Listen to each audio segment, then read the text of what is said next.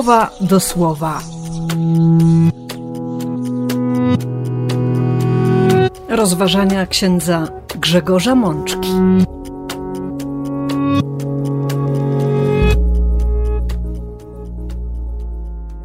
Czwarta niedziela wielkanocna, rok A.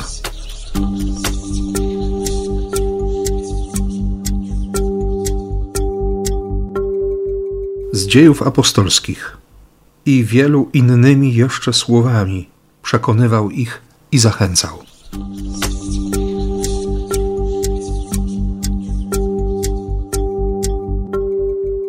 Z Psalmu 23. Twoje miłosierdzie będzie mi towarzyszyć przez wszystkie dni mego życia.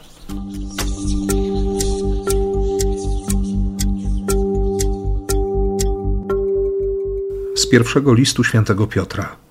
Jeśli znosicie cierpienie i wytrwale czynicie dobro, jest to łaską u Boga.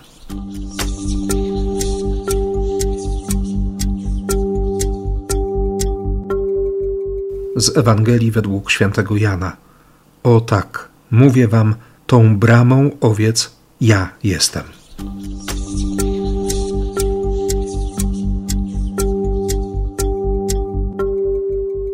Siostry i bracia, przed nami liturgia kolejnej niedzieli wielkanocnej, nazywanej Niedzielą Dobrego Pasterza, ponieważ we wszystkich trzech liturgiach roku A, B i C słyszymy jako Ewangelię fragment dziesiątego rozdziału redakcji świętego Jana, w którym Jezus mówi o sobie jako dobrym pasterzu. Jednocześnie wiemy dobrze, że jest to niedziela rozpoczynająca tydzień modlitw o powołania, o pasterzy na wzór serca Jezusa. Dlatego też tak mocno w dzisiejszej liturgii docierają do mnie słowa, określenia, które, które po prostu zachęcają mnie i mam nadzieję, że Was również do żarliwej i wytrwałej modlitwy o powołania i za powołanych. Ten kierunek dzisiejszego rozważania, a wcześniej rozmyślania nad liturgią słowa, pokazuje mi 40 werset drugiego rozdziału dziejów apostolskich. Bo być może zwracamy w tym czytaniu uwagę na to, że, że najważniejsza jest reakcja ludzi na to, co przed chwilą usłyszeli z ust Piotra i pozostałych apostołów. Głoszony kerygmat, prawda rzucona w twarz, prawda o, o tym, że oni zabili w białych rękawiczkach dawcę życia, ale przede wszystkim prawda o tym, że Bóg wskrzesił Jezusa, że Chrystus okazał się Panem i zapowiadanym przez Boga Mesjaszem, to wywołuje żywiołową wręcz reakcję. Serca słuchających zostały rozdarte, zostały przebite doświadczyły swego rodzaju kryzysu. Tego kryzysu, o którym Biblia mówi w pierwszych zdaniach Księgi Rodzaju, kiedy Bóg stwarza świat w kryzysach i mówi: To jest dobre, to jest piękne, tu się może pojawić życie. Dokładnie to przeżywają słuchacze Piotra i pozostałych apostołów. Co w takim razie mamy czynić? Nawróćcie się, opamiętajcie się odwróćcie się o 180 stopni od tego kierunku, w jakim teraz biegnie wasze życie.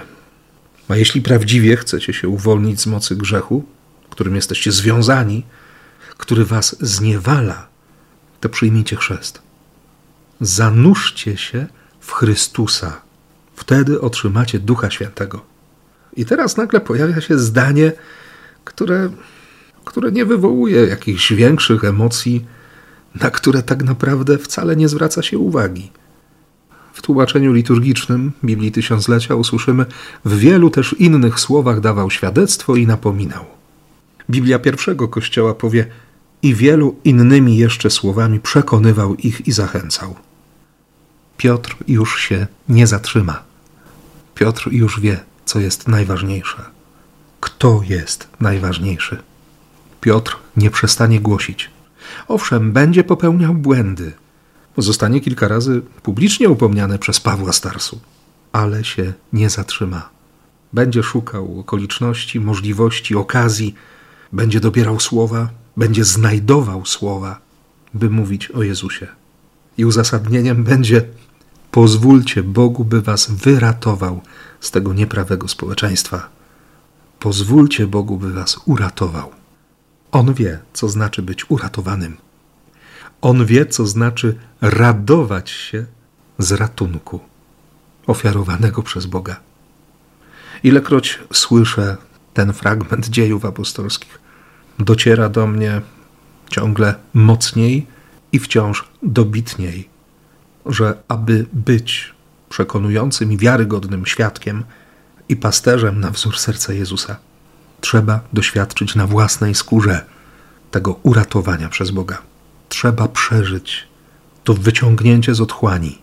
Trzeba sobie przypomnieć ten mocny uścisk Jezusa, który, który wydobywa z rozszalałych fal. Nie wolno zapomnieć tego palącego spojrzenia, kiedy, kiedy Jezus pyta: Kochasz? Naprawdę kochasz? Kiedy zadaje to pytanie w sytuacji grzechu, mojego upadku, naszych upadków. Bo właśnie wtedy najdobitniej, najgłośniej ma zabrzmieć w naszych uszach: Kochasz? Kochasz bardziej? Chcesz kochać bardziej?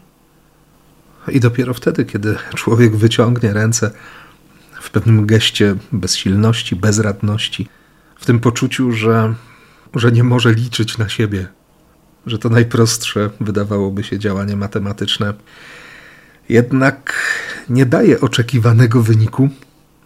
Matematyka, którą opisują niektórzy z drwiącym uśmiechem, umiesz liczyć, licz na siebie. Kiedy przekonujemy się, że naprawdę wszystko jest łaską, wtedy przychodzi Duch Święty. Wtedy można wyjść z wieczernika. Wtedy się już człowiek nie zatrzyma.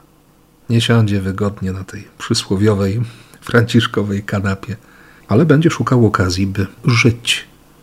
By żyć tak bardzo i tak blisko z Bogiem, że inni będą o Boga pytać. Bo potrzeba w naszym życiu wielu innych słów, niekoniecznie wypowiedzianych. Można mówić czynami, można mówić gestem, można się wypowiedzieć modlitwą serca, a wiemy doskonale, że najwięcej można powiedzieć miłością i miłosierdziem. Dlatego właśnie dziś akurat ucieszyłem się z tłumaczenia Psalmu 23 w Biblii pierwszego Kościoła, którym werset szósty brzmi: Twoje miłosierdzie będzie mi towarzyszyć przez wszystkie dni mego życia. Dobroć i łaska pójdą w ślad za mną. Usłyszymy w liturgii słowa podczas Eucharystii. Nowy przykład dynamiczny podpowie: Twa dobroć i łaska będą przy mnie blisko. Jeszcze inne tłumaczenie będzie przekonywać: Twoja łaskawość i Twoja dobroć będą mnie ścigać przez wszystkie dni mego życia. Ale w kontekście tego pierwszego czytania i kierunku, jaki został nadany i zadany moim myślom przez pierwszą część 40 wersetu drugiego rozdziału dziejów apostolskich, właśnie to tłumaczenie, tłumaczenie z Septuaginty, wydaje się być dziś dla mnie najlepszą i najbardziej przekonującą kontynuacją pierwszego czytania. Twoje miłosierdzie będzie mi towarzyszyć.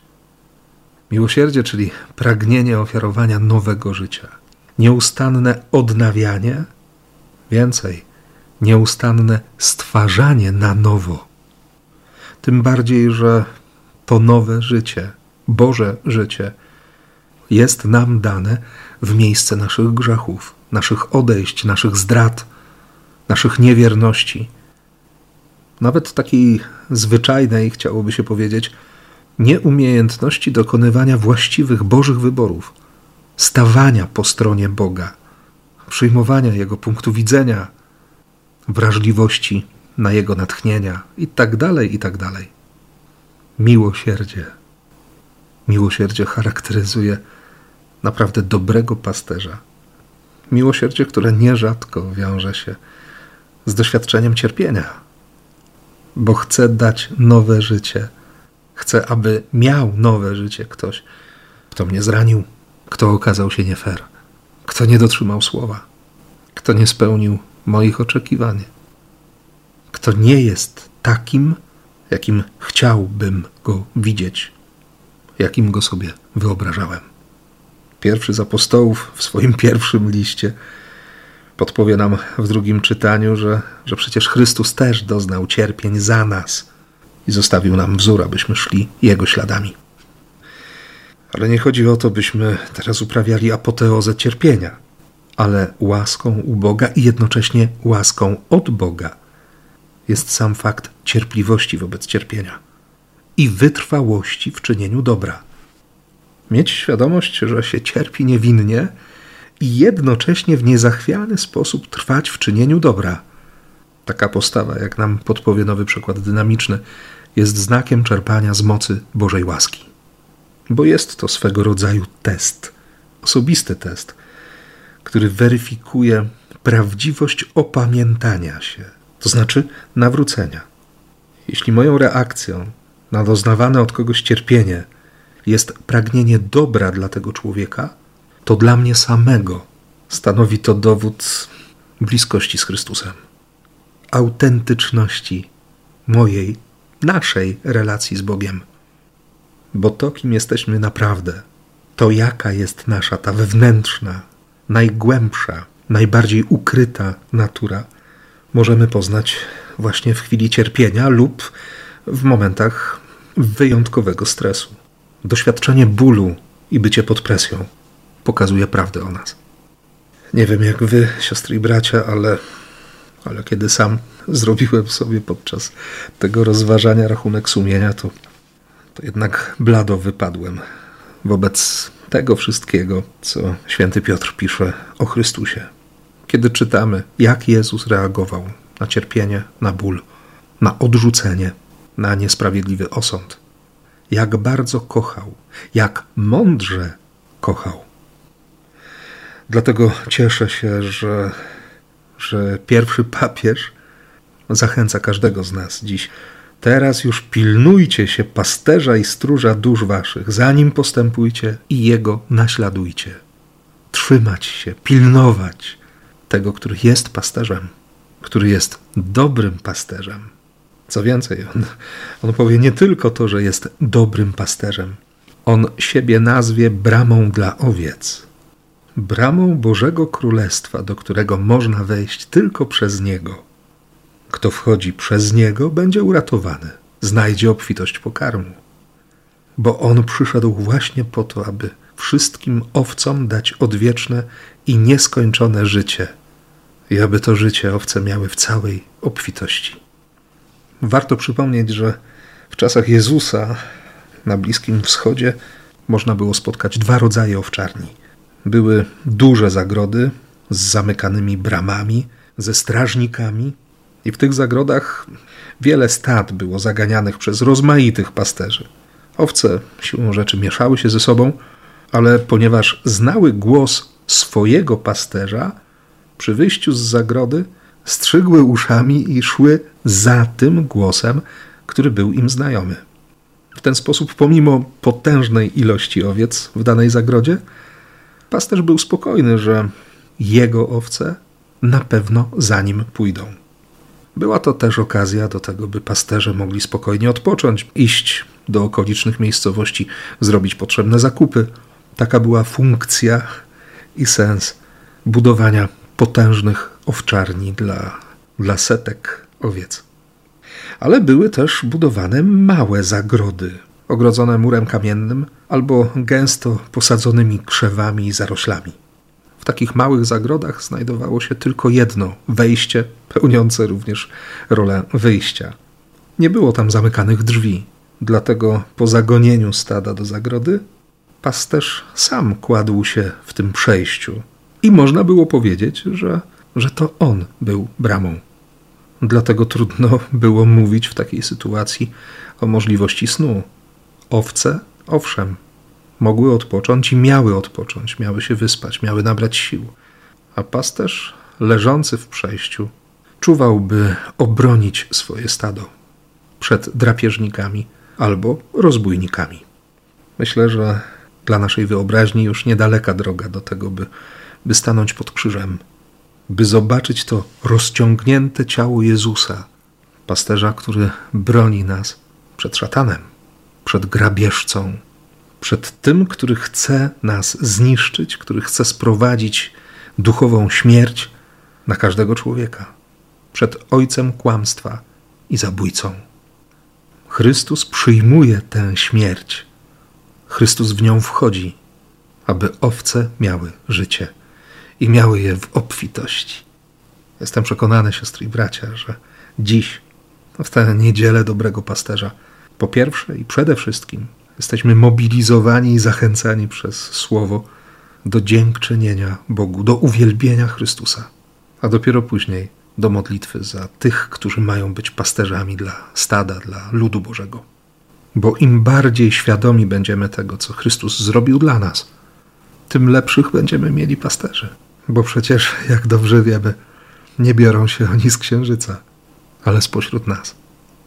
Dlatego, siostry i bracia, zachęcam nas wszystkich, i was, i siebie, do żarliwego uwielbienia i dziękczynienia, jakie złożymy dziś naszemu Bogu podczas Eucharystii.